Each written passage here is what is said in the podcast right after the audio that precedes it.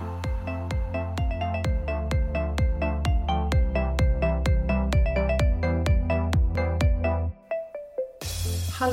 og velkommen hjem til meg denne gangen, Hege. Du, dette er superkoselig. Ja. Endelig fikk jeg se åssen hjemmet ditt ser ut live. ja Galehuset, som jeg pleier å kalle det. Nei da. Jeg syns det var kjempegøy. Masse friske farger. Du blir glad når du kommer inn her, faktisk. Ja, det er litt fargeartig. Det. Faktisk. Ja. Så her Nei, har du eh, skapt uh, din egen stil. Oh yes.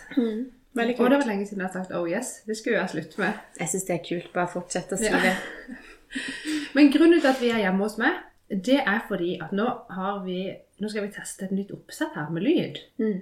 Så vi har rigga oss til. Eller det, det er ikke vi som har rigga, det er min mann som har rigga. Skal ikke skryte på meg nå. Så nå har vi mikser. Vi har hver sin mikrofon og headset. Vi føler at det er litt sånn annerledes. Men vi håper at dette skal bli bra lyd. Det føles jo som om vi sitter eh, i et podkaststudio nå. Ja. Så jeg merker jo det at jeg ter meg litt annerledes. Eh, det eneste eh, skjæret i sjøen eh, er at eh, headsetet mitt passer ikke inn her. Jeg må ha et sort headset. Det ser jeg jo. Ja, for du har hvitt. Men jeg, jeg syns jo du, du kler jo det hvite headsetet. Jeg har jo hvit T-skjorte på, så det, jeg må jo matche. Ja. Alternativet var at en av oss måtte låne headsetet til min sønn. Med Supermann. Å, jeg trodde det var Spiderman. Ja, Spiderman, ja. Jeg husker ikke en av de. Ja. Det er rødt og nå. ja, det er litt gøy med det headsetet her, for det fikk jeg faktisk eh, når jeg jobba i Evry. Ja. Eh, og det kalles jo for en litt sånn eh, Ikke akkurat intim eh, greie, men det blir jo litt sånn tett på hode og ører. Så den fikk jeg med meg når jeg slutta. ja, det er kanskje litt spesielt å gi videre til en ny ansatt. Ja, men så har jeg liksom ikke hatt noe bruk for den, så dattera mi bruker den her. For hun hører på iPad og er så møkk lei av de der lydene på de tegneseriene. Ah, Så hun har ja. fått egentlig dette. Så jeg måtte låne det tilbake i dag, da. Ja. Det var helt konge. Det var det. Så nå ser vi proff ut, og forhåpentligvis så hører vi, høres vi litt proffer ut. Mm. Så får vi se nå, da. Vi har jo selvfølgelig eh, Vi tør ikke å stole 100% på det der nye oppsettet der. Nei! Så vi har jo kobla vår gamle USB-mic også inn Ja. i Audacity. Eller Audacity, som jeg liker å kalle det. Ja. Bare som backup. Men ehm, ja, nok om det, kanskje. Åssen har uka vært? Uka har vært bra. Mm. Fint vær. eh, Gøy på jobb. Eh, Jeg har fått karakteren min. Ja, Og på eksamen. eksamen. Du hørtes ikke så fornøyd ut. Nei! Det var skuffende. Herre min tid. Jeg tenkte liksom, jeg skjønte jo at ikke det ble en A.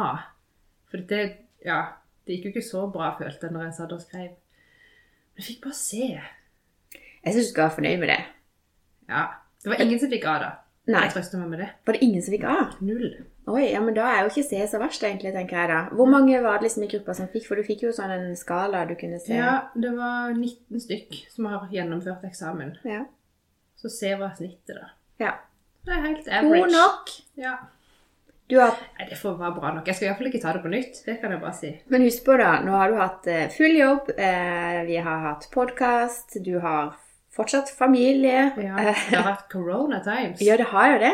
Eller det er det jo fortsatt. Jeg syns du bare skal klappe deg på skuldra og si Ja. well done, altså. Ja. Jeg hadde bare håpet jeg skulle naile det studielivet. Ja. Skjønner du? Men dette var første faget ditt. Ja. Eh, til høsten skal du ta ett til. To til. To til. Det var helt vilt.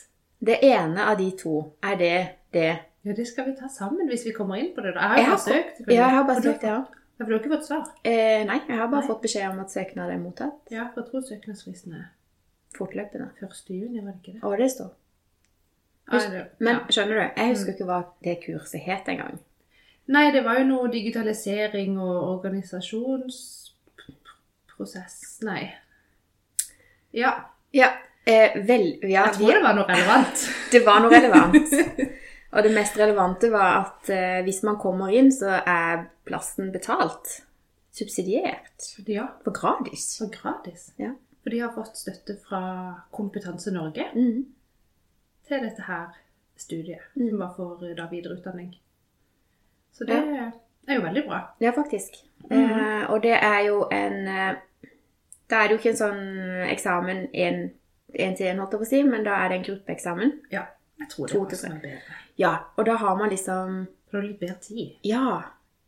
Og jeg har jo så eksamenspress på meg bestandig at Ja. jeg klarer ikke å tenke klart når jeg setter meg ned sånn. Så for meg så er det gull. Ja. Så det er jo gøy. Hvordan har de uke vært, da? Du, eh, på lørdag så tok jeg med meg, ikke med meg dattera mi til Åmli, som jeg hadde tenkt til, men jeg fikk eh, kjøre aleine. Så da hadde jeg skikkelig roadtrip, eh, tur-retur Åmli, og noen fantastisk koselige timer hos min tante i Åmli. Og hun har strikka eh, kofte til meg.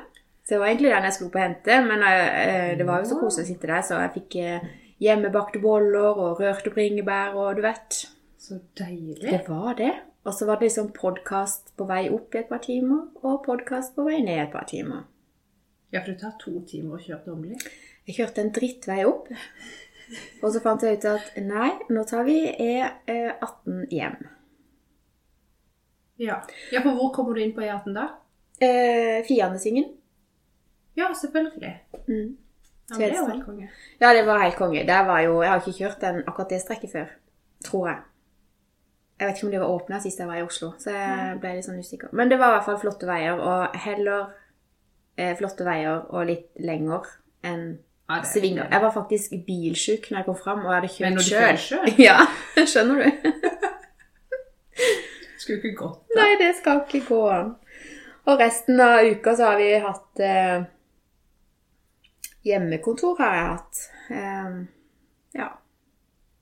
Ja. Det har vært stille og rolig, egentlig. Jeg har jo vært tilbake på kontoret på Varodd. Eh, Men det er blitt veldig mye mer folk der. Så nå er de jo så strenge vet du, i lunsjen. Så nå er det skikkelig sånn, nå har vi delt inn i lunsjkohorter. Ja, det er gøy. Eh, Ja.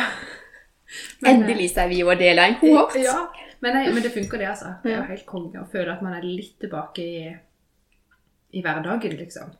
At det er litt, ja. Ja. Ehm, men en annen ting som har skjedd denne uka, egentlig i går, det var jo at eh, de har vedtatt den her nye bioteknologiloven. Var det ikke ja. det det het? Jo. Endringer i den. Ja. Mm. Har du noen tanker om det? Eh, jeg hadde jo hjemmekontor den det var på tirsdag. I forgårs, ja. Ja. Og da tenkte jeg nå skal jeg ha på TV-en i bakgrunnen mens jeg sitter og jobber litt, og så bare høre litt på det, da. Eh, så slår det meg at jeg har ikke gjort meg opp noen veldig konkrete meninger. Og jeg er veldig glad for at ikke jeg skulle sitte og stemme på Stortinget den dagen. For det at Ja. Eh, jeg har vært heldig. Jeg har fått to unger uten problemer. Eh, de har vært friske og raske. Og eh, jeg kjenner at det er utrolig vanskelig å sette seg inn i disse tinga da, som de skal vedta. Eller som de nå har vedtatt. Og det som ble snakk om, bare for liksom de som hører på, det var jo dette med assistert befruktning for enslige Mm. og eggdonasjon, og denne NIP-testen. og tidlig ultralyd. Det var de fire tinga de skulle ja. eh, endre på. Og eh, de eneste i Norge nå som ikke kan få barn, det er jo da hvis du er, lever i et homofilt par, eh, er singel mann, eller singel dame eh, som, har, som ikke har brukbare egg, da. Ja, for det, det skjønte jeg ikke helt. Jeg, har for det første ikke skjønt hvorfor eggdonasjon er noe annet enn sæddonasjon. For det har jo vært lov. Ja, i 90 år så har du jo kunnet levere sæd i Norge. Det er kanskje en enklere prosedyre eh, enn å Ja. hente ut et egg. I og med at du spurte meg dette i forkant, så, så bare, måtte jeg bare google litt. Men Ja. det er jo helt klart det. Det er kostnaden, og det at eh, en, mann kan jo bli kvitt ganske mange sædceller på eh, kort tid. Eh, mens Ja, det er jo faktisk et inngrep som må gjøre hos kvinnen.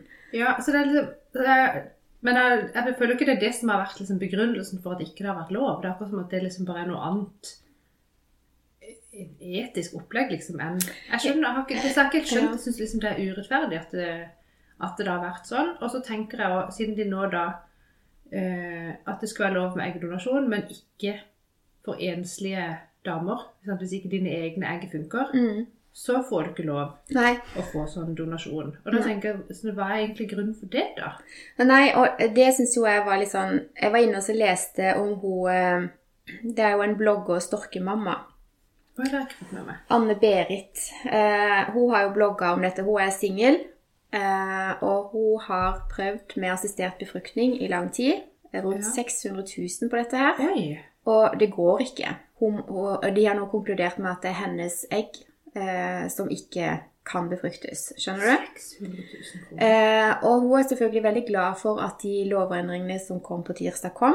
Men det hjelper ikke hun noe. For hun kan ikke både få egg og assistert befruktning eh, i Norge. Så hun kommer til nå å fortsette kampen sin med å få egg og assistert befruktning i Danmark. For jeg for jeg tenker, Hvis liksom man først godtar at enslige kan velge å bli foreldre uten en partner, mm. så tenker jeg skal det være forskjell på, på, på at hvilke gener du har. Ja. 50% av genene til barnet du føder eller får, skal være eh, Ja, det er jo lov å adoptere. Ja, men da er det jo ikke eh, Da har du jo ikke født den ungen, så det er helt andre regler. Men kan en enslig mor adoptere? Eh, godt spørsmål. Jeg har Og googla mye i går, men akkurat det googler jeg ikke. Men det det tror jeg faktisk ikke per i dag. Nei, jeg tror heller ikke det. Det Det burde gå an. Mm. Men jeg tror jo å være enslig mor Jeg tror det er litt slitsomt. Jeg tror det er tøft. Men jeg har sett mange som har klart det. Eh, så jeg tenker at Ja. Eh, For jeg har alltid tenkt sånn eh, Og jeg syns dette er et tema som er forferdelig vanskelig å snakke om. For her er det så fort å eh, si noe som sårer noen. Og så er det ikke sikkert at alt det jeg sier, er 100% gjennomtenkt. Skjønner du? Men jeg har sånn liksom kanskje banal barndomsgreie med at det er jo ikke en menneskerett å kunne få barn.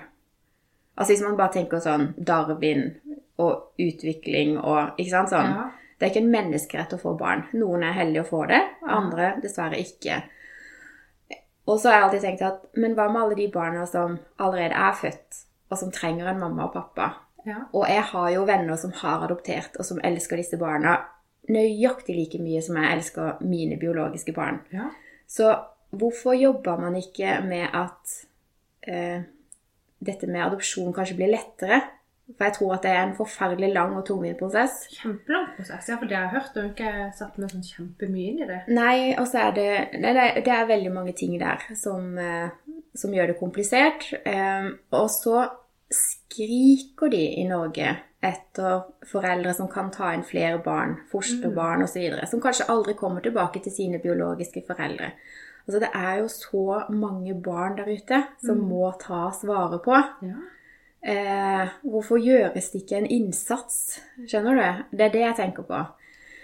Eh, hvorfor er det ikke mer sammensveisa? Det er garantert mennesker der ute som kanskje med et uhell eh, blir gravide, og som velger å ta en abort. Mm. Hva om de bærer fram det barnet og eh, adopterer det bort? Det er jo litt sånn American-tankegang, kanskje. Men eh, ja. det er så mange spørsmål. Jeg har, så sy jeg har mange flere spørsmål enn svar i Ja, det har jeg også, og jeg er helt enig med deg at man skal være litt sånn forsiktig med å mene sånn for, for mye, for så vidt. fordi at jeg har ikke satt meg kjempegodt inn i det. Og jeg har ikke stått i den situasjonen hvor jeg ikke har enten klart å bli gravid eller ønska å adoptere. Men Mm. man hører jo om sånne historier, og det virker jo veldig vanskelig.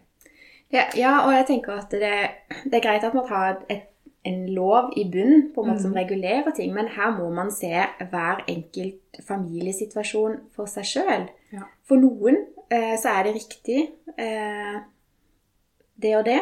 Eh, det som kanskje var det mest eh, omdiskuterte temaet, føler jeg, eh, var jo dette her med tidlig ultralyd og, og NIPT-testen. Ja, det har jeg lest litt om. Mm. Eh, for jeg har en kamerat som er lege, mm. som, spesiali som spesialiserer seg innenfor gynekologi gyn, Greier ikke å snakke. Gyn Er det et nytt? Nei. La meg prøve en gang til. Gynekologi og eh, obstetrikk. Mm. Måtte jeg google hva det egentlig betydde. Obstetrikk. Kan du forklare? Ja, det er veldig lett. Det var eh, fødselsvitenskap. Å, kunne ikke bare sagt Men det er ikke et e- Ja, det kunne ikke bare sagt det. Eh, men det er ikke et eget fag, for det er sånn at de som da er fødselsleger eller sånn, da, de er også gynekologer. Ja. Så det henger sammen. Mm.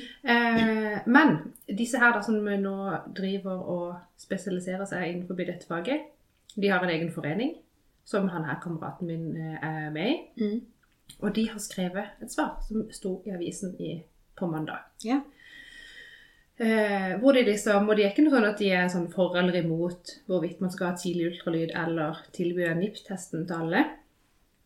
Eh, men de hadde liksom noen sånne spørsmål i forhold til hvilke tanker har de egentlig gjort seg, de som skal eh, vedta denne regelen. Mm. Og det ble jo vedtatt for, eh, på tross av at han eh, Bent Høie just hadde stått og sagt at dette her er ikke ordentlig gjennomtenkt, liksom, og det er ikke nødvendigvis at det Mm. er, altså, at det egentlig er gunstig. Eh, for det vil jo kreve ekstra personell. Det vil jo kreve ekstra oppfølging. Mm. På den her NIPT-testen da, som er sant, en blodprøve som kan gi svar på hvorvidt eh, For det, mor har Jeg har ikke satt meg sånn 110 inn i dette, men mor har jo noe Altså, mor og barn deler jo blod. Ja, så når Når hun blir gravid, ja. så vil blodet kunne forklare eller fortelle Om noe om barnet. Mm. Eh, diverse sånn kromosomsammensetninger, jeg vet ikke. Mm. Um, Og andre sykdommer. Ja, og andre sykdommer. Eh, men det er, vel, det er ganske stor sjanse for at den prøven er falskt positiv. Altså at den viser at ja, her kan det være noe avvik på sånn eller sånn. Men det er ikke sikkert. Nei. Og for å da bli sikker, så må man ta enten fostervannsprøve Ja. eller en prøve av morkaka. Mm. Som er ganske Den er risikabel. For da risikerer du at barnet aborteres ja. når man gjør den Altså sjekken. sannsynligheten for spontanabort blir høyere. Ja, Ja. riktig. Uh, og per i dag så tar de jo den testen på høyrisikosvangerskap. Mm. I tilfeller hvor det er nødvendig å ta den, så tar de den jo. Ja. Um, og denne fostervannsprøven, eller prøven av morkake, det kan man jo per i dag kun gjøre på sånne fostermedisinske sentre, som i hovedsak ligger på universitetssykehus. Mm. Og da er det sånn, skal det nå bli sånn at alle sykehus skal tilby dette? Eller skal det gjøre at det blir økt forskjell da i svangerskapsomsorgen i forhold til hvor du bor? ja. Dette har jeg ikke hørt at noen liksom har sagt noe om, på en måte. Nei. Og hvor setter de grenser for eh, det som er Ja, du kan få snakke ferdig. jeg bare si? For det Jeg bare ser for meg at eh, hvis jeg hadde vært gravid, så hadde jeg vært takknemlig for å få så mye tester som mulig, så tidlig som mulig, som ikke skader verken meg eller barnet. Ja. Men problemet oppstår jo idet du får vite at barnet ditt er sykt. Hva da? Eller Ja. hva om du går og drømmer om at du skal ha en gutt, og så blir det en jente, eller at du får tvillinger, og så eh, har du ikke mulighet økonomisk, eller du vil ikke ha det, ikke sant? Sånn. Hva da? Hvem er det som sitter og beslutter da eh, neste steg i prosessen? Mm.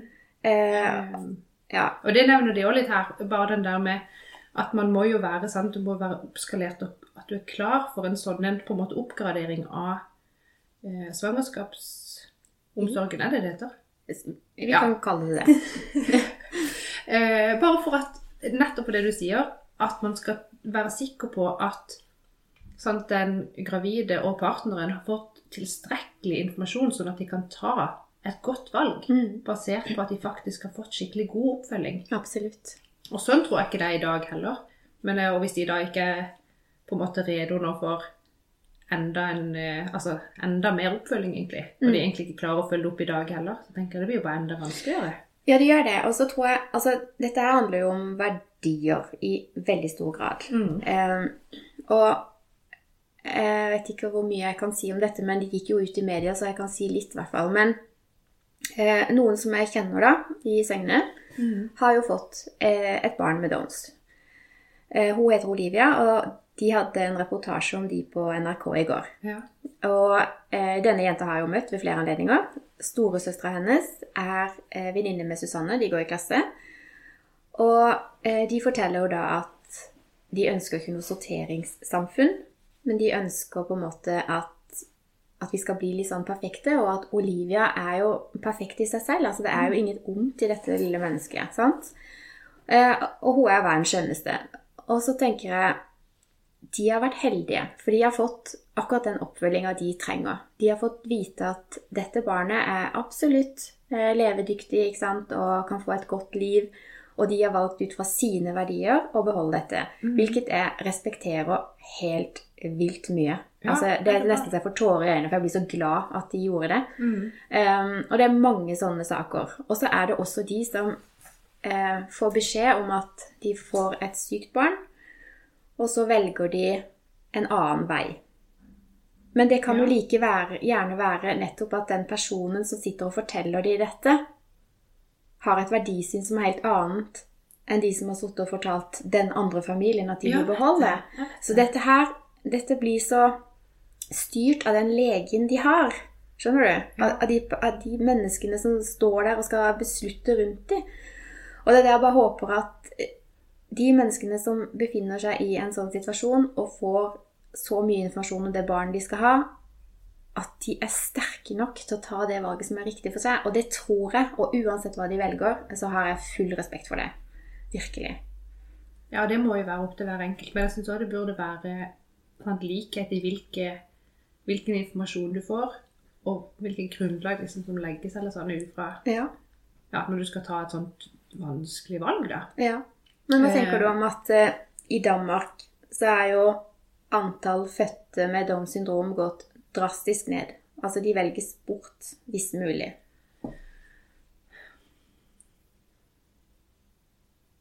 Eh, Nå spør du veldig vanskelig. Jeg vet. Uh, nei, jeg, jeg syns jo egentlig at det er helt forferdelig. Ja, jeg syns også det. Jeg synes det er Og jeg skjønner da de som Ja, for Man har jo sett mange sant, sånne, både artikler eller uh, innslag på nyhetene eller på Facebook eller hvor enn, liksom av da eh, personer som, som Heter det har Downs syndrom? Heter det Ja. Ja, du skjønner iallfall hva jeg mener. Um, som sier hva de tenker om at folk velger bort sånne som de.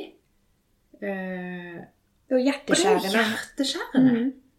Helt for De, de, de lever jo, de leser nyheter, de hører oss. Liksom, Ja. De sitter og snakker om en gruppe mennesker som, som, som Ja, for jeg kjenner jeg får vondt av, de, jeg får Altså- vondt av at jeg snakker om de som en, en gruppe. Mm. Um, og det gjelder jo ikke for så vidt bare Downs syndrom, det kan jo gjelde mange forskjellige Ja.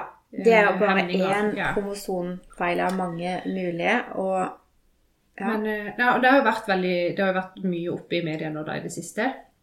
Og jeg så en, et innslag om Det var to mødre som hadde Ei som hadde ei, et barn som var ja, baby, liksom, og ei som hadde type ei datter på to år. Mm. Begge med Downs syndrom. Og begge visste på forhånd eh, at barnet ville bli født med dette. Eh, og de opp, begge de to opplevde liksom at eh, At liksom sånn, når de var på sykehuset, eller de liksom snakka med helsepersonell, eller de som måtte hjelpe deg gjennom dette her, da, så opplevde de hele tida at nå tar du et valg som blir en byrde for samfunnet. Skjønner du? At de Ja, liksom det er det jeg er så redd for. Ja, at de, fikk, de kjente skikkelig på det. Ja. Jeg tenker Det er ikke greit. Det er ikke greit. Og jeg vet ikke i hvilken grad du som lege eller person som skal hjelpe en familie til å ta et valg, eh, klarer å være helt nøytral. Jeg tror Ja. det er umulig, dessverre. Ja. Og da burde, da burde det kanskje heller vært et team rundt de da. Altså eh, to-tre stykker da, med litt sånn forskjellig verdisyn som kunne på en måte fortelle alle muligheter. Mm. Nei, det, å, det, er, det er jo vanskelig. Jeg skjønner jo at det er vanskelig, men derfor, derfor synes jeg det er enda rarere at det sitter en haug av folk som ikke er fagpersoner. Mm. De skal sitte og bestemme. Men jeg håper jo at det er sånn i Norge at før en sånn beslutning så har de fått eh, lagt på bordet en haug av informasjon som de faktisk må sette seg inn i. Det håper jeg jo. Men her føler jeg det sånn at de tenker her, Jeg sitter med en følelse at det er sånn Nei, må vi ha litt endring her? Og så må vi jo gi litt grann stikk til KrF. Og så Men så er det akkurat som at de sånn Ja, vi sier ja til det, men vi må bare holde litt sånn igjen. For eksempel. Det er sånn, ja, nå skal bli lov med eggdonasjon. Ja. Men, du skal, du, men eh, arbeidsgiver er ikke pliktig til å gi sykepenger til den som har gjort inngrepet. Nå vet du ikke hvorvidt, eh, hvor dårlig man blir av det, det har ikke peiling. Men Nei, men du kan tenke deg når du skal bruke sånn? Kan de ikke bare si ja da, så er det ja? Men hva tenker du om det, da? For det leste jeg i går, at f.eks. Facebook og Google, hvis Ja. du blir ansatt der eh, og går og ønsker å bli gravid, Ja. og det ikke passer inn i arbeidslivet ditt, så betaler Facebook og Google for at du kan ta ut egg og fryse dem ned. Visste du det? Seriøst? Mm, sto på Aftenposten i går.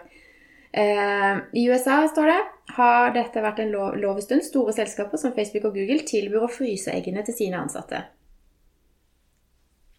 Jøss. Og da tenker jeg, er det egentlig i riktig retning med hensyn til likestilling? Bør ikke heller Google og Facebook faktisk si kult at du vil bli mamma nå, det gjør du, og så kommer du tilbake her når du er klar? Jeg syns jo ikke alternativet du, eh, vi trenger deg i jobb nå, så vi fryser ned eggene dine, så kan du heller få de Og jeg tror ikke arbeidsgiveren selv, nei, arbeidstakeren sjøl som på en måte vurderte hvorvidt det passa noe eller ikke. Nei, altså, de tilbyr det. Så la oss si at du har vært ansatt der, da, og så går du liksom og ja, så må du gå til sjefen din og si Du sier ikke at du er gravid, men jeg har veldig lyst til å bli gravid, eh, men jeg kan ikke nå. Kunne du betalt for at jeg fryser ned eggene mine? Så sier de ja. Jeg tenker Hvis det var mitt valg, så syns jeg det er konge. ja. Men hvis da folk føler på at er At det er press, ja. press, Ja. så er det jo ikke greit. Nei, det er det ikke greit. Uh... Men bare det at selskaper gjør sånn altså det, det, det er så mange ting eh, når vi kommer til bioteknologi eh, som i mitt hode er så ubesvart, og det dukker opp så mange ting. For disse testene, sånn som NIP-testen og KUB og alle de her Ja. som nevnes Jeg tror ikke det tar så lang tid før man kan finne ut alt. Man kan sikkert finne ut hvor høyt dette barnet blir, eh, hva slags farge på hår og øyne. altså sånn. Hva hvis ikke ting stemmer med det du ønsker? Altså La oss si at du blir barn på bestilling, da. Det blir jo et sorteringssamfunn. Og ja. jeg ønsker ikke at det skal være sånn. Det snakker de vel om. Genbehandling av eh, celler. Det går an, så vidt jeg forstår. Ja. Men ikke av foster. Nei. Eller embryo, eller Nei. ja, det, Men jeg, det sto liksom ikke noe om i det som kortet jeg leste om hva de på en måte hadde vedtatt. Og en annen ting når det gjelder eggdonasjon og sæddonasjon, for den Ja. saks skyld, så får du ikke du får ikke bestille. Du kan ikke sitte og se i en katalog Nei. og det egg, og hun sitt egg vil jeg ha. Nei, for legen skulle bestemme. Legen skal bestemme. Og der igjen, Noe som passer, liksom. legen har vanvittig mye makt Ja. i dette her. Og er de kapable til, til å ta den makta? Tar de det ansvaret? Sikkert ikke alle. Nei, jeg, altså Legene har sykt mye å gjøre. Uh, ja, ta det. Ta det, jeg. Og så ta. Ja, skjønner du? Ja. Oh, nei, og det er kjempevanskelig. Uh... Og når du er 15, uh, så får du nå vite Da har du krav på å få vite hvem som ja, er biologisk. eh, du at ja, I dag- ikke din biologiske 18. mor er din genetiske mor. Ja. Og Før var det 18, men på tirsdag så vedtok de å senke den til 15. Ja. Så eh, hvis du har fått barn da via assistert befruktning eh, eller eggdonasjon, Mm. så har barnet ditt da krav på å få vite hvem som er biologisk mor eller far når de er 15. Ja. Hva er konsekvensen av det, da? La oss si at du lever et lykkelig liv, og på 15-årsdagen din så får du levert et brev. Gratulerer med dagen, jenta mi! Jeg er ikke mammaen din. Altså, har de tenkt på det? Hva skjer med barn da? De aller, altså, hvis du har sett på Hva heter de her programmene på TV når de skal finne mammaen sin, og de leter etter en slektning og Altså, det er jo mange sånne Typ programmer. Tore på sporet. Ja, litt sånn. Ja. Um, jeg tenker bare Det er noe Det er jo litt vanskelig, selvfølgelig. Men jeg tror eh, hvis det var meg, så hadde ikke jeg venta til de var 15 år med å si det. Nei. Jeg hadde sagt Men du er jo helt ærlig, så du, du vil jo ikke Jo, men nå finnes det jo Det finnes jo en ny bok som jeg ikke husker hva heter, en barnebok om eh, sånn blomsten og bien. ja, ok. Sant? Som tar med alt dette her. Kunstig befrukt, befruktning Er det sant? Ja, ja, ja. Eh, adopsjon. Forklarer alt i denne barneboka. Det går an? Sånn er det. Og det er jo sånn homofile par og så videre og så videre. Det er jo en kjempe Jeg har sagt hver en gang at det er sånn helt normalt og Mm. vanlig og Jeg vet ikke. Jeg tror ikke jeg hadde holdt det inn. Du så jo på A Million Little Things hva som skjer når du beholder en hemmelighet for barna dine i årevis. Ja, De blir lynings. de blir lynings. Det, det går Stort ikke. sett, i hvert fall. Ja. Og det blir vanskeligere Og 15 år, da er du liksom Ja, du er i midt i puberteten. Det bare oser stress på alle mulige måter. Ja, ja. Altså, da, da skal du få vite det. Det er jo Det er konge, faktisk. Det kan bli rabalder, altså. Eh, jeg skal ikke ha flere barn. Eh, så for meg så, så er det litt deilig å bare tenke at dette trenger jeg ikke å forholde meg til. Ja. Ja, jeg kjente at jeg satte meg inn i dette litt seint. Tenker det er jo egentlig litt seint å sette inn i det dagen vedtaket skal gjøres. på en måte. Men, jeg, men jeg, jeg har nok litt sånn at det går jo ikke an eh, å tenke at man skal sette seg inn i alle mulige saker som skal vedtas, for du tror du kan gjøre noe med alt. Mm. Jeg har jo fått litt tillit til at folk som faktisk er folkevalgte og sitter på det der Stortinget, greier å ja. ta en ordentlig beslutning. Men for mennesker som har dette i fokus, så er det også der de har energien. Så de menneskene som dette har vært viktig for, de har vært involvert. Ja. Det velger jeg å, å tro. Ja. Eh, og jeg har ikke hatt dette i fokus, eh, og derfor heller ingen energi der. Eh, og det er greit, eh, tenker jeg. Og jeg respekterer de valgene som blir gjort, men jeg håper så inderlig at de som på en måte er med og styrer hvilke valg som blir tatt, er nøytrale og ærlige og gode mennesker. ja. Der er vi veldig enige. Mm. Absolutt. Ja, det er så viktig. Ja, det er det. Eh, og så en annen ting òg er at jeg skulle ønske det var i langt større grad fokus på eh, å sette av midler i det norske samfunn til å faktisk hjelpe barnefamilier som velger å ta imot et barn som trenger litt ekstra. Eh, jeg kjenner eh, mange som har eh, utfordringer utover normalen, da, som trenger hjelpemidler videre, som, som kjemper kamper hver eneste dag. Ja, ja, det er jo og det et er så. Ja, det gjør vondt, rett og slett. Sånn, det, det skal ikke være sånn. Hvis man først sier i Norge at eh, her er alle velkommen, eh, så må man faktisk tilrettelegge og hjelpe de Ja. familiene som velger det. Og ikke sånn som du sier, sitte og si at dette blir et byrde for samfunnet. Ja. Eh, velg det bort, liksom. Det, sånn orker jeg ikke høre på. Nei, for Vi jeg har tenker det må faktisk landet være opp til hver enkelt hvorvidt man ønsker Jeg kjenner øh, å, å velge en abort liksom relativt seint i svangerskapet sant? Det som kommer ut, er jo et uh, mini-menneske. Ja, det er jo det. Det jeg, jeg tror ikke det er gøy å gå gjennom det. Det må være helt forferdelig. Jeg husker jo fra den dagen du liksom tar graviditetstesten og tenker at ikke sant? Du er jo helt sånn Å, har det skjedd noe, sant? Ja.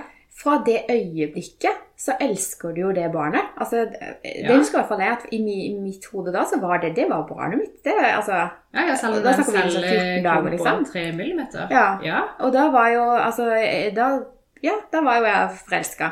Eh, og da kan jo ikke jeg bare slå av den, og så får du da vite Nei, altså, jeg, dette er forferdelig vanskelig. Jeg jeg syns så synd til på de foreldrene som må stå i et sånt valg, Ja. Det må være opp til, til foreldre, altså mor, den gravide og partneren. Absolutt. Først og fremst mor. Det er hennes kropp, hennes liv, alt det der. Eh, og jeg støtter opp om at, at det er rettferdighet for loven. At ikke du må vente til 38, men at Og dette med tidlig ultralyd. At man skal litt Ja. tidlig Altså, Ja, for det snakker vi ikke så mye om, for det eh, sa jo disse her eh, spesialiseringsgynekologene ja. at uh, det med tidlig ultralyd, det er jo en kjempefordel for den gravide. At du tidlig kan få vite at barnet ditt er friskt, du kan tidlig få vite om det er ett eller to barn. Uh, alle mulige sånne type ting da, som Mm. Og det syns jeg eh, det, det skulle bare mangle at vi, nå som vi har muligheten til å gjøre det tidlig, eh, så tenker jeg at det er bra, og det bør gjelde alle. Altså sånn At ikke det bare er de som har råd til 38, å liksom. gjøre det ja. Privat. For det kan man jo gjøre. Det koster jo Og det blir feil. Det syns Ja. jeg blir feil. Så det var de veldig for. Bare så sant at det da blir satt inn nok ressurser til å kunne holde dette oppe, sånn at det ikke blir redusert kapasitet på andre pasientgrupper som gynekologer skal Og det håndteres eh, bra. At ikke de bare utvider svangerskapsomsorgen og tror at like mange leger som de har nå, holder. Mm. Og det vil de jo ikke gjøre. Nei. Det vil jo kreve mye mer oppfølging. Og så håper jo jeg, da, i min sånn naive tanke, at eh, jeg håper ingen velger bort fordi at Norge ikke evner å ta seg av disse barna. Som ikke er helt som alle andre, skjønner du? Nei, det håper ikke jeg heller. Det, altså, det må jo i hvert fall ikke være Og Norge er jo garantert ikke det dårligste landet i verden Nei. på dette. Men nå har vi jo gått på den På tirsdag så gikk vi jo hver for å være et sånn europeisk mest konservative innenfor bioteknologilovgivning eh, Ja. lovgivning, eh, til å bli liksom up front. Eh, nå ligger vi jo eh, godt an, liksom. Ja. Men fortsatt så er det jo Var det ikke Tyskland, Sveits og eh, et eller annet til? Eh, de tilbyr, tilbyr ikke eggdonasjon, så vi Ja. Vi var ikke sist. Nei. Nei. Eh, Jeg tror alt i alt så er jeg glad at dette her er kommet på agendaen. Jeg er glad for at eh, eggdonasjon er lov. Jeg syns det er supert at, liksom blir, at det blir eh, sett på. mm. Men jeg syns kanskje fortsatt at det var Jeg sitter jo med noen spørsmål fortsatt, da. Jeg har sykt mange eh, spørsmål. Så er jeg sånn som du, veldig takknemlig for at jeg ikke trenger å streve med dette. mm. Veldig glad for det. Mm. Ja.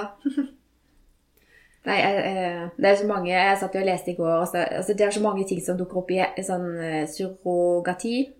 Ja, det, jeg har skrevet det som et stikkord her, eh, og kjent at det er veldig vanskelig å gå inn på. Åh, ja. Kjempevanskelig. Jeg sitter jo og ser Handmaid's Tale på TV, Ja, ikke sant. og kjenner bare å være hun som bærer fram det barnet, og så skal du bare gi det fra deg hver gang. I den filmen Uavhengig om du har valgt kanskje litt i, i tvang, da. Altså, Men det tror jeg det er noen surrogatmødre surrogatmødre som gjør det ikke fordi de har så kjempelyst, Mm. men fordi det er en eller annen mulighet til å få seg noen penger. ja, men, og det er jo det det er jo der krigen står. Ja. At noen er ser på dette som salg av kvinnekroppen. Ja. Eh, og bare økonomi. Og det er jo en helserisiko forbundet med dette som er ganske stor. Og ikke vet jeg hva slags oppfølging de eh, får, holdt jeg på å si. Nei. Men sånn så hører man jo om eh, søsken som at han sier at, jeg, sier at min søster bank i bordet ikke kunne fått barn. Mm. Så da er det jo noen eh, som liksom velger å bære fram barn for andre familiemedlemmer. Jeg vet Ja. ikke hvorvidt man egentlig kan det i Norge. Er det lov? Er det noen som bryr seg? Ja. Nei, akkurat nå så satt jeg og tenkte på eh, Jeg mener jeg har lest om en mamma som fødte datteras barn, men eh, nå ble jeg litt sånn Vi får snakke om det en annen gang, for det tør jeg ikke Ja, det må vi påstå. mer inn i. Men jeg tenker at det er jo egentlig en veldig fin ting å gjøre. Men jeg tror jo det er vanskelig Det må Ja. etterpå. Jeg vet ikke. Få se nå om noen år om du kanskje får uh... Så jeg vet ikke om noen liksom som er surrogatmødre som gjør det fordi de, de har et brennende engasjement. Vet du hva, det tror jeg faktisk. Tror du det? Ja. Jeg tror det finnes mennesker der ute som er så lite opptatt av seg sjøl, men eh, Bare ønsker å hjelpe andre. Liksom. Ja. Bare føding er jo så vondt. Mm. Ja, altså, nei, altså det er en kjempehelserisiko. Ja. Eh, I Finland Jeg satt og bare leste eh, Guri land og mye rart jeg leste i går, egentlig. Men jeg eh, finner ikke den artikkelen. Men eh, ei dame i Finland som eh, er ganske kjent tydeligvis i denne debatten her, har jo donert embryoer, altså ferdig befrukta egg. Oh. Eh, syv stykker tror jeg hun hadde donert. Eh, for i Finland så kan du, eh, hvis ikke du kan få barn, så kan du både få assistert befruktning og egg. Eh, så da kan Ja. du i teorien, hvis du er et par da, få et ferdig embryo, sette det inn eh, og føde det sjøl. Men da vil jo ikke det være noe genetisk eh, ditt, da. Og da er det også sånn at de har krav på, de barna, å få vite hvem som er foreldre. Så du kan Ja. hun kan risikere da at uh, disse syv barna vokser til uh, og kommer til henne og sier 'hei, mamma'. Og det syns hun er helt flott. Så det er mange gøye, flotte Ja. scenarioer som Jeg vet ikke om de som har vedtatt alt, har tenkt på alt. For det her er det mye, altså. Det er mye. Er du gal? Og hver historie er jo noe eget, liksom. Og jeg er Ja. veldig glad for at det blir ja, breiere valg, da, på en måte. Ja. Så konklusjonen vår i dag er vel egentlig det at eh, ja, vi mener at det er riktig at alle kvinner uansett alder skal få disse testene. Eh, og så håper vi inderlig at de blir fulgt opp på riktig måte. Ja. Eh, og uansett hvilket valg de tar, så har vi full respekt for det. Helt riktig. For det er bare personen i situasjonen som vet hva som er rett for dem. Så bare det blir likt for alle, helst. Og at man får så grundig informasjon som eh, man trenger, Mm. og god oppfølging. Ja. Så skal det sikkert gå bra. Man må jo ha litt tillit til at både helsevesenet og den gravide greier å ta noen gode valg. Ja, absolutt. Ja. Jeg har lyst til å si en liten ting på slutten, for mine barn er så heldige, og det mener jeg de er så heldige at de får gå på Nygård skole i Søgne, som også har en kompetanseavdeling. Mm. Så fra de eh, er små, så eh, lærer de å omgås også eh, mennesker på sin egen alder som har fysisk og psykisk utviklingshemminger. Mm. Og det Jeg mener av hele mitt hjerte at det er en sinnssyk styrke eh, å gå på en sånn skole hvor de får eh, lære å kjenne disse menneskene, at ikke de liksom blir Mm. satt på andre skoler, da. Så det, det håper jeg fortsetter at eh, sånne skoler med alle, at det er plass til alle, Mm. det er gull. Enig med deg i det. Mm. Absolutt. Skal vi gå Skal vi videre til skifte neste tema? Nå skal vi ha sånn sånt jingle. Men eh, vi kan lage sånn en når vi, vi kan klippe etterpå, bare laste inn musikk, og så Ja, vi kan se om vi får det. Ja,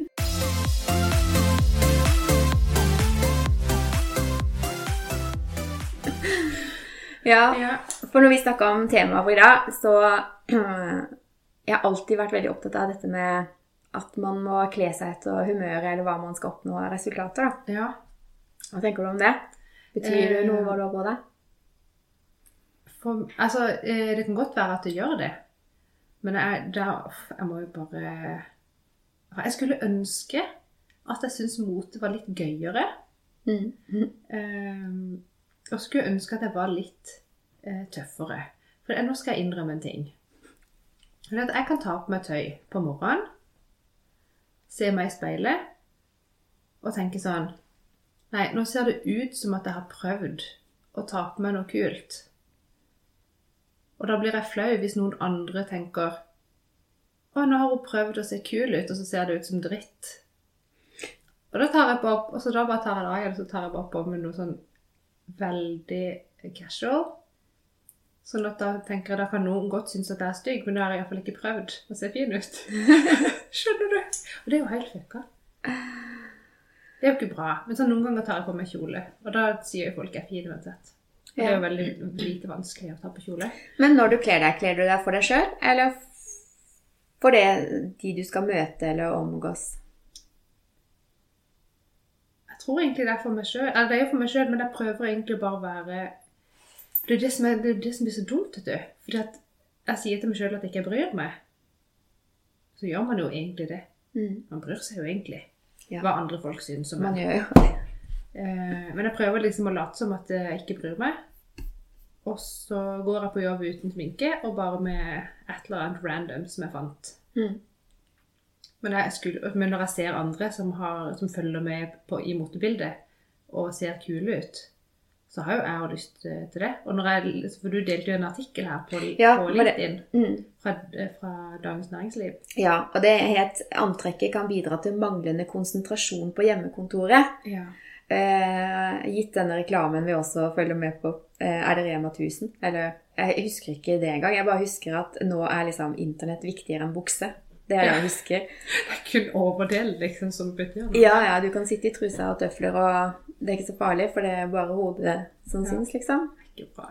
Ja, eh, men dette med at det faktisk eh, kan bidra til manglende konsentrasjon, eh, og det vi begge to hang oss opp i denne eh, artikkelen, var jo nettopp det der med legefrakk. Ja, det var veldig interessant. Veldig. Sånn, Da hadde gjort en, eh, et, liksom et studieforsøk Ja, det var et godt stykke studie, da. Ja. Ja.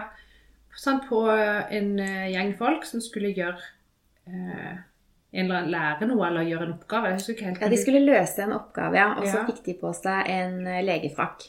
Alle fikk på seg hvit frakk, Ja. men halvparten fikk vite at dette var en legefrakk. Ja. Mens de andre fikk vite at det var en malefrakk. Ja. Og de som hadde da fått på seg legefrakk, de viste jo eh, bedre konsentrasjon. De gjorde mindre feil og fulgte bedre med. Og løste oppgaven Og løste eksepsjonelt mye bedre, liksom. Mens den andre gruppa, der var det ingen endring. De var helt like da de kom, liksom. Ja. Det var ikke dårligere da, heldigvis. Nei, Men det var veldig interessant. ja, faktisk. Eh, sånn syns jo jeg er kjempegøy. Jeg husker eh, Jeg vet ikke om jeg skal nevne noe navn, men i en tidligere bedrift jeg jobba, så eh, stussa jeg sånn, for det plutselig så kom sjefen, eh, som vanligvis gikk i dongeribukse og genser eller T-skjorte, han kom plutselig i dress hver dag. Og liksom vi komplimenterte han jo liksom. Jøss, eh, skal du noe spesielt? Liksom, nei, nei.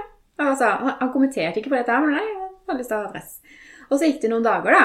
Og så eh, fortalte han hvorfor han hadde gjort det. Ja. Og det var for rett og slett for å se om hva skjer med han og menneskene rundt ham når han faktisk gjør dette. Eh, kjempekult. Og han eh, sa det at eh, fra nå skal jeg gå i dress. Fordi at han følte sjøl at han fikk mer respekt.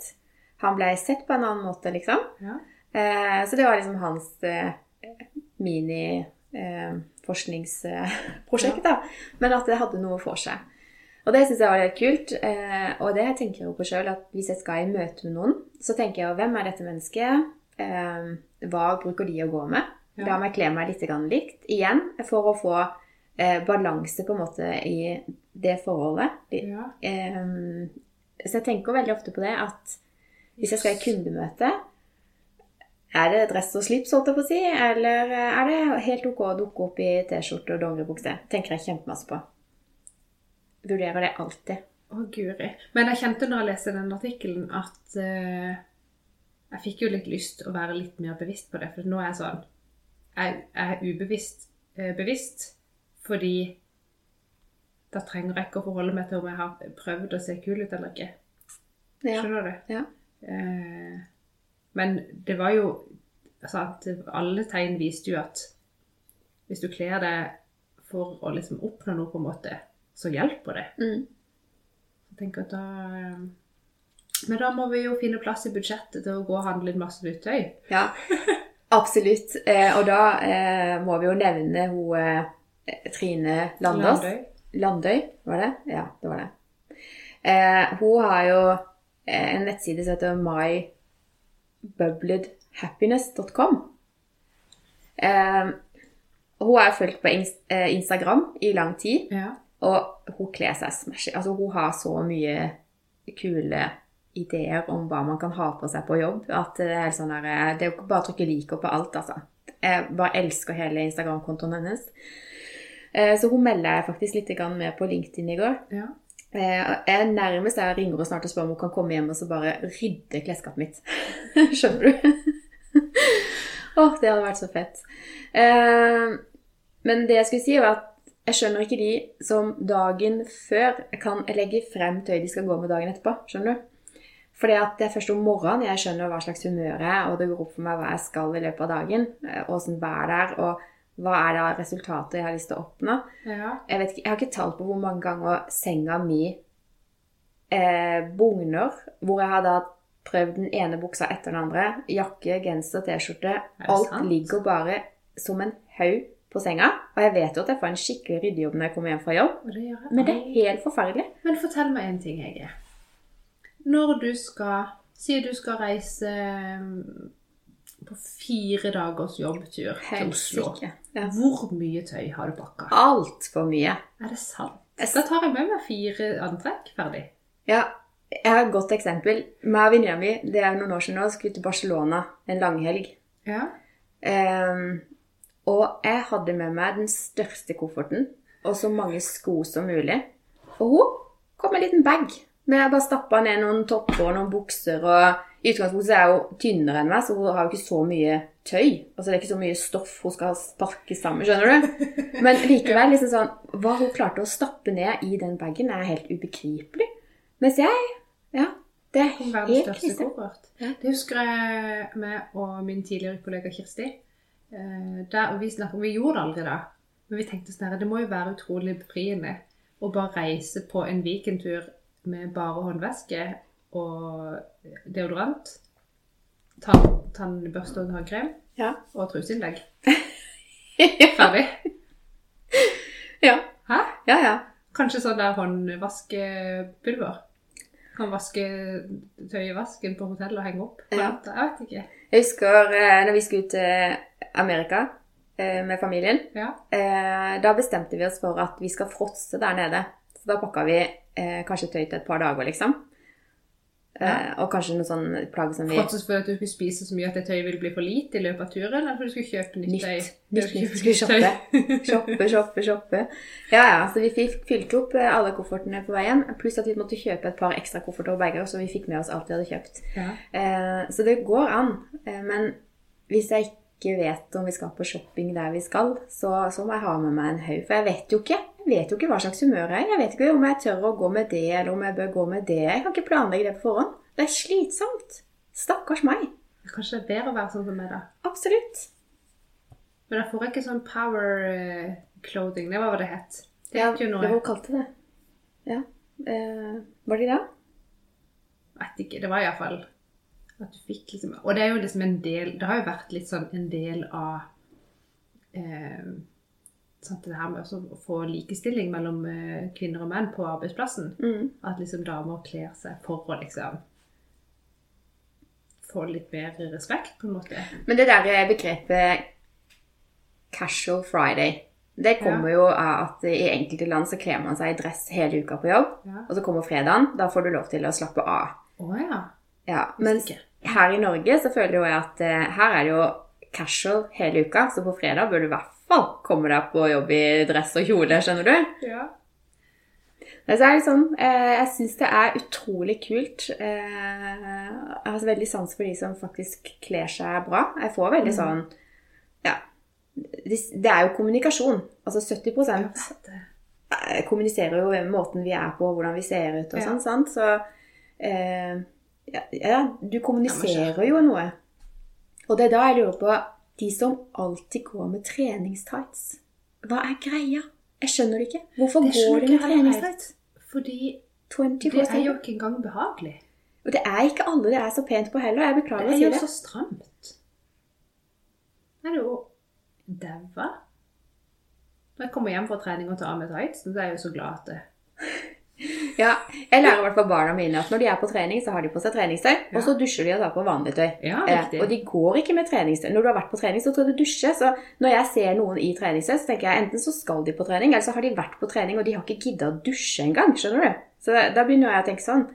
For de går jo ikke hjem, og så dusjer de og tar på seg treningstøy. Men noen går jo de alltid i treningstøy. Ja, jeg forstår det ikke. Jeg skjønner det ikke. Kommer er aldri til å skjønne det. Nei.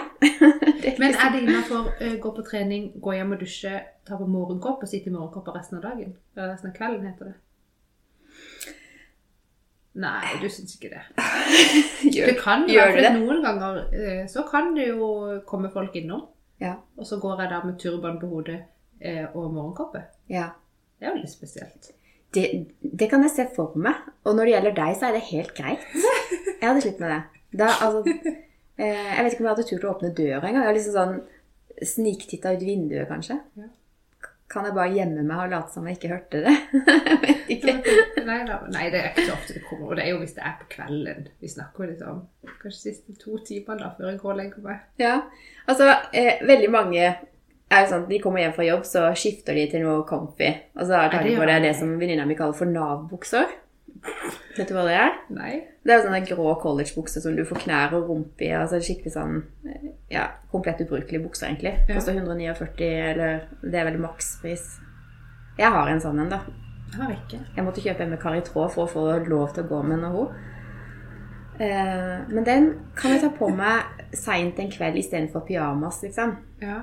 Eh, men jeg syns det er gørrflaut å åpne døra hvis jeg går med den. Seriøst? Ja. Hvorfor bryr du deg om det? For hun har sagt at det er Nav-bukse. Og det er negativt, da. Altså, det er sånn, hvis du går med sånn, så ja, så, så det er som de skriver i denne artikkelen på LinkedIn nå, at eh, du blir den du kler deg som, da. Så hvis du går i slapsete klær, så blir du litt sånn slapsete, da. Jeg vil ikke være slapsete. Nei, det vil jo egentlig ikke jeg heller. Men, eh, og jeg, jeg tror ikke heller sånn, For det var jo grunnen til at de delte denne artikkelen, var jo litt fordi at eh, folk liksom på hjemmekontoret ble liksom sløvere og sløvere og sløvere i hva de gadd å liksom styre med før de satte seg til å jobbe.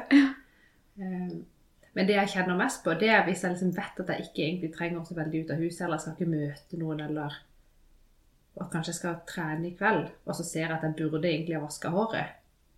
Men så gidder jeg ikke å gjøre det likevel, for det er jo litt stress. Det kan jo heller gjøre når du har trent. Ja. Mm. Det er det jeg tenker. Kan jeg jo vente de åtte timene etter trening, Ja. så kan jeg dusje. Men merker du forskjell da, hvis du har Ja, da, men da går jeg og føler meg dritt. Ja. Skjønner du? Ja. Og det er jo Det burde jeg Hvis du går og føler deg dritt, hva skulle du liksom ut sådde? Utsåle? Dritt. ja, nei, men altså, skjønner du? Altså, Hvis du går og føler deg dritt, så, så vil kanskje andre oppfatte det ikke som en dritt, men du skjønner at de liksom Jeg vet det. Åh, Det var kjedelig at det nå ble ble bevist at man burde stelle seg og te seg. Dusje og freshe seg opp litt. Ja, At det det betyr- ytre faktisk det gjør noe med oss, altså, Det gjør noe med en sjøl, og det er ikke bare de rundt. Men, ja. Da, men da fikk vi bekrefta det. At uh, det er viktig at man Dusjer og kler seg pent. bra og kler seg Ja. Så man føler seg bra, liksom. Ja. Det er ikke sånn at alle må gå i dress, selvfølgelig, men Nei, det er veldig rart det det er jo Altså. forskjell på joggebukser og dress, selvfølgelig. Det er noen mennesker som man får så respekt av, altså de er så kunnskapsrike og sånn, at de kan egentlig gå med hva som helst. Jeg bryr meg ikke. Respekten er der uansett. Ja. Eh, jeg har noen sånne venner i gjengen. Eh, men hvis en annen person som jeg har mindre respekt for, hadde kledd seg eh, sånn, Ja. så hadde jeg tenkt OK, stakkars. Skjønner du? Ja. ja. Så det, Ja, det om er vi vil eller ei, så har vi jo litt fordommer, ja. Eller sånn setter folk litt sånn i bås, på en Ja. måte. Og det kjenner jeg at uansett hvor mye jeg på en måte øver meg på å ikke gjøre det, Mm. så skjer det litt automatisk uansett. Og jeg skammer meg litt for at det skjer oppi hodet mitt. Ja. Men det, det må jo være sånn for alle, tror du ikke det? Jo, men Hva er det med eller er liksom et dårlig menneske? Eh, vi leiter jo alltid etter felles eh, trekk med Ja. de man møter, og man ønsker jo på en måte å eh, innlede en form for relasjon med mennesker man er like til, eller Ja. som gi, kan gi, tilføre noe som man syns er gøy, da. Ja. Og det er klart at hvis du møter noen da som ikke dusjer og ikke kler seg pent og så, Da kommer jeg bare til å tenke han kan, han kan umulig konsentrere seg, kommer jeg til å tenke nå. Eller hun. Jeg måtte, I forhold til den artikkelen, da. oh, ja. Ja, dette ble jo litt morsomt. Men jeg skjønner jo at jeg må hjem og rydde det klesskapet mitt. Jeg kan jo ikke sitte Men jeg kjøper jo ikke nytt. Altså, det som sier det dattera mi, at eh, din fordel, kjære deg, det er at du vokser, så du får nytt tøy hver sesong. Ja. Mens jeg, jeg må slite med det her gamle. Og enkelte av de plagga er så gamle at de burde jo ikke sett dagens lys. Jeg har jo hørt liksom venninner som sier 'Hæ, har du de skoa ennå?' Eller ja, «Å ja, de er jo ikke slitt ut, jeg kan jo ha de. ja da hadde jeg, jeg hadde syntes Jeg hadde vært sånn Wow, har du de ennå? Kult. Skjønner du? Jeg tror ikke det var det de mente. Jeg tror det var mer sånn der 'Å, herregud'. Nei, men jeg tenker jo at fordelen med å faktisk ikke være så motefreak, da, er jo at man sparer jo både penger og miljø Ja, med å ikke kjøpe nytt hele tida. men det er da Du må finne din stil. Du må finne min stil, ja. Ja, ja, ja. med- Som var sånn Hva heter det for noe? Jeg tror kanskje det er en fordel at ikke du følger motene så veldig. For hvis Ja. du havner inn på en litt mer sånn ja, hva skal vi kalle det da, klassisk eh, type, så har du liksom tøy i mange år. Det. At du bare finner det sånn tidløst Ja. som, er, som, som er din stil. Ja. For tenk om moten nå, den kjenner jeg at jeg ikke kan hoppe på. Den For det var jo sånn vi gikk. Nå begynner jeg å skjønne hva mamma mente om min stil når jeg var 14, liksom. Skjønner du? Tenker Nå går de med sånne choker, sånne halsbånd Ja. og slengbukser og magetopper. Og så skal det buksene opp i livet, og så skal du likevel vise litt mage. Ja. Ja. Uh, nei, det funker ikke for meg. Og bøffelsko tilbake. Igjen så må jeg si det at hadde jeg hatt kropp til det, hadde jeg gått med det. Hadde du det? Ja. Slengbukse Men og eh, magetopp og kroppen og tilsier at det er eh, en mote du skal holde deg unna, Hege. Tror du ikke at alle, at alle barna og ungdommene òg er sånn Kommer de der gamle damene der Det ser ikke bra ut. med vårt tøy? Nei, Hvis jeg hadde vært en ung og fresh mor og, og kledd meg Ja, men uansett hvor ung og fresh mor man er, hvis du er over 19, så er du gammel i øynene til en 14-åring. Det er helt sant. Det er så sant. Ja, det er så sant. Jeg husker når eh, Og tid var liksom Big Brother første sesong. Ja, når var det? Jeg ser for meg at jeg sikkert gikk kanskje på ungdomsskolen eller videregående. Kanskje ungdomsskolen. Hvilket årstall snakker vi om? Nei, det husker jeg jo ikke. 2000 og... Kan det ha vært sånn 2004? 2002? 2002? Jeg husker ikke. Men uansett, så så jeg på Big Brother. Fikk jo ikke lov, tror jeg. Jo, det må være ungdomsskolen, for jeg tror ikke mamma de syntes det var ok at jeg så på det. Og da så vi jo på de som var deltakere Mm. på dette programmet. De som var låst inn i den her eh, Ja, containeren, eller hva de var inni. Og tenkte jo at de var voksne folk. Da så jeg på de som om de var voksne.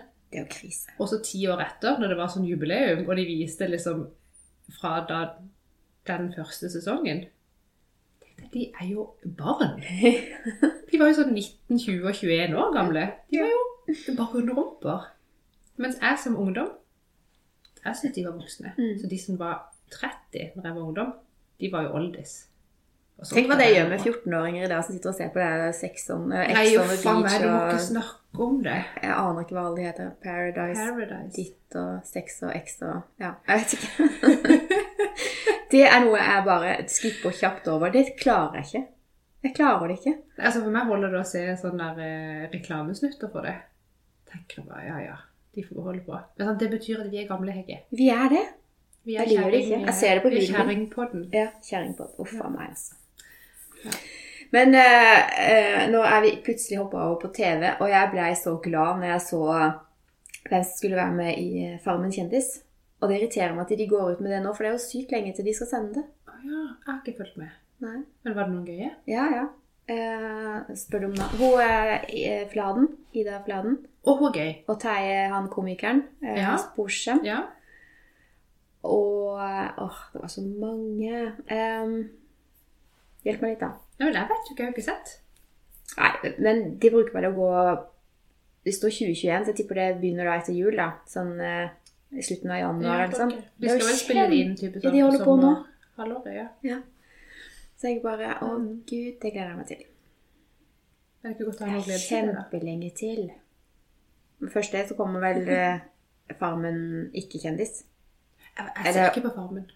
Ser du ikke på Farmen? Nei. Er det rart? Det er litt rart. Jeg fulgte med på det liksom før, men så begynte det å bli så mye. Men du ser jo på flere 71 grader ganger i uka, og det var liksom ikke måte på. Nei. Ja, 71 grader nå pleier jeg å se på. Eller det vil si, jeg så på det i år. Jeg har ikke sett på det de sesongene før.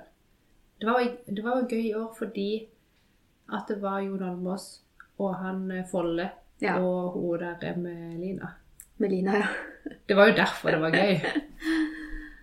Ah, ja. Det var amazing. Visst. Har vi noe usagt? For egentlig har vi snakka ganske lenge. Har vi? Ja. Men jeg ble litt sånn nysgjerrig. Hva syns du om Handmaid's Tale egentlig sånn? Uh, jeg synes, nå har Hvor mange episoder har jeg sett? Jeg har sett litt. Eh, jeg syns egentlig det er jo veldig interessant. Men det er jo trist. Er jo gal? Det er kjempe... Men det var ikke så uh, Det er ikke sånn at jeg sitter hele tida og, og syns at det er grusomt å se på. Nei. For det var jeg litt redd at jeg skulle synes. Men jeg blir bare veldig fascinert av hvordan hvordan folk blir så Men det er sånn at du gleder deg til å se neste. Ja, episode. ja. Ja. Men jeg tenker, jeg ser jo hvordan, eh, hvordan det blir krig i verden, og hvordan Hitler får med seg folk. Skjønner du? Mm. Det er jo veldig skremmende. Massesuggesjon. Uff, ja. Var helt grusomt. Ja. Og det blir sånn, Alle må jo bli paranoid til slutt. for jeg tenker Du kan jo aldri føle deg trygg på at ikke du er den som noen vil ta. Mm. Men det, det som er så. Det går ikke an å sitte og se på den filmen og bare si at ja, ja, men det er bare fiction, liksom. Det går ikke an å si. Nei. Nå så jeg på Urix på NRK i går Ja. om Iran. At Jeg bare Skjer sånne ting liksom rundt omkring? Det er jo like Altså, det er jo helt crazy der. Ja, det er helt vilt. Mm. Eh, Så det er ikke så langt fra virkeligheten, dessverre. Så man må bare passe på hele tida. Ja. Ikke la det skje. Ikke i det hele tatt.